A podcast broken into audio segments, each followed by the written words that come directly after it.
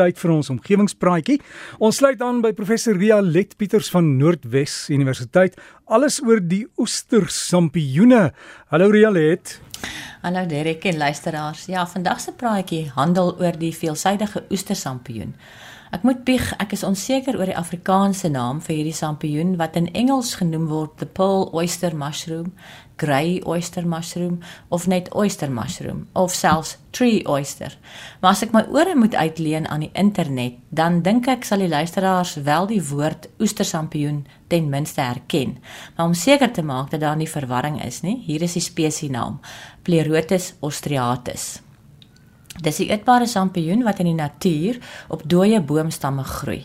Hierdie bepaalde spesies kom nie natuurlik in Suid-Afrika voor nie, wel in groot dele van die noordelike halfrond.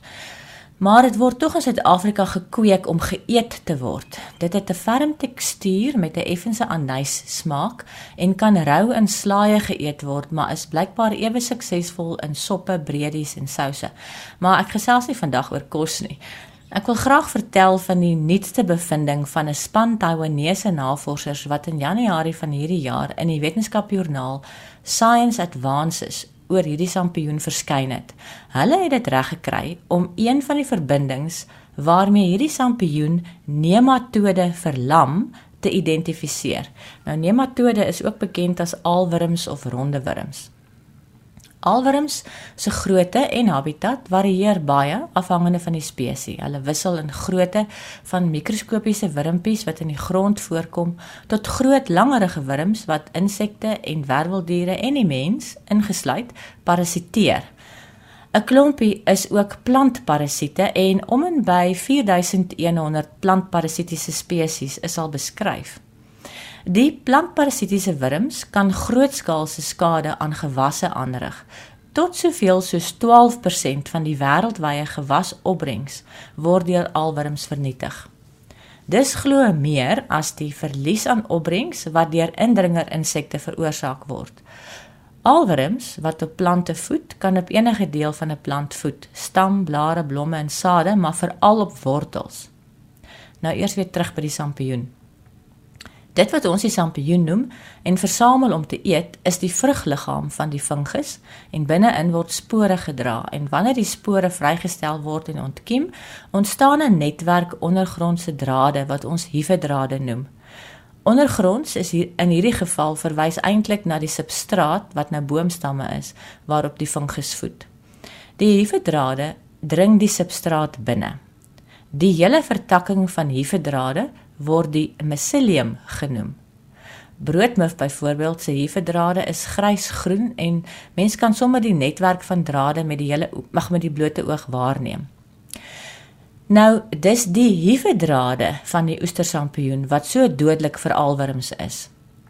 Bo op die hefedrade kom kort steeltjies voor en elke steeltjie het 'n klein delikate blaasie bo-op. Die hele struktuurtjie lyk soos 'n suigstokkie.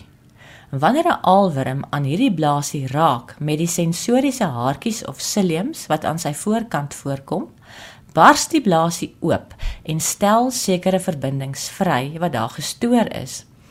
Hierdie verbindings verlam die aalwurm en dit vrek dan. Die oestersampioen se hievedrade groei dan in die aalwurm lykie in en verteer dit. Die rede waarom die oestersampioene, maar ook ander karnivoriese fungi alwurms sou wou vreet in aanhalingstekens is om die fungi is omdat die fungi waarskynlik 'n behoefte aan stikstof het. Die oestersampioen is net soos baie fungi saprofities wat beteken dat hulle nie self kos kan vervaardig nie en op verrottende organiese materiaal leef. Die hoofvoedselbron van die oestersampioen is dooie verrottende boomstamme wat dan nou blykbaar stikstofarm is. Maar hier's nou 'n paar baie interessante voorwaardes waaraan voldoen moet word voordat die oestersampioen se suigstokkie doodmaak tegniek effektief is. Die eerste een is dat dit die sensoriese ciliums aan die voorkant van die aalwurm is wat met die suigstokkie blaasie in aanraking moet kom, want dit bevat die senuwee eindpunte wat deur die ciliums na buite uitsteek en is via die senuwee selletjies dat die verbindings verlamming bewerkstellig. Al raak die alwurmpie met enige ander deel van sy lyfie aan die dodelike blaasie en die blaasie bars, sal dit nie die wurmpie verlam nie. Terloops, vir die chemisie onder die luisteraars, een van die verbindings wat geïdentifiseer is om die, om die verlamming te veroorsaak is die ketoon 3-oktanoon, 'n verbinding wat redelik bekend is in die planteryk en die fungi. Die tweede voorwaarde waaraan voldoen moet word, is dat die delikate blaasie se dodelike inhoud hoogs gekonsentreerd moet wees om effektief te wees. Toe die navorsers die blaasies met glaskraletjies stukkend rol om hulle inhoud vry te stel en as te ware aan die glaskraletjie af te smeer, het die alwurmpies wat tussen die glaskraletjies rond beweeg het en daaraan geraak het, niks oorgekom nie.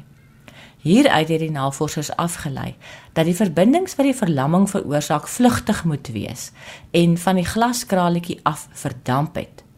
Dis dis belangrik dat die alwurm die suigstokkie blaasie stukkend breek en die volle dosis van die inhoud onmiddellik op die sensoriese cilia beland.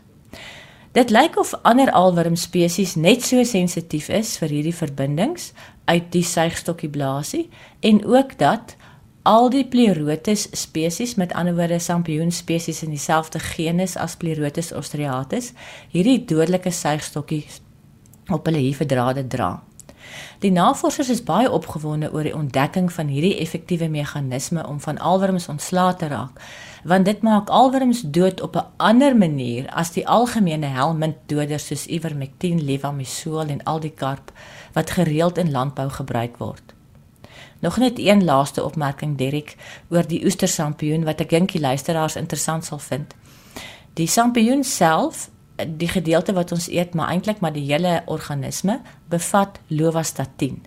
Dit is een van die statienverbindings wat gebruik word om die produksie van lae digtheid lipoproteïen cholesterol of ehm um, uh, wat noem is dit uh, eh, LDL cholesterol in die liggaam te onderdruk. Dit sou kon help om hoë cholesterol te voorkom wat 'n groot risikofaktor van kardiovaskulêre siektes is, afhangende natuurlik van die konsentrasie in die sampioen.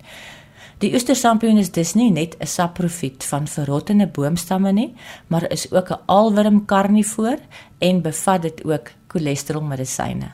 Ek het op omgewingspraatjies se Facebookblad foto's van die oestersampioen geplaas. Gaan loer gerus. Ons maak baie dankie aan professor Rialet Pieters betrokke by Noordwes Universiteit so daai oestersampioene gaan nooit weer dieselfde wees nie. Wees bly jy's nie alwurmpie nie.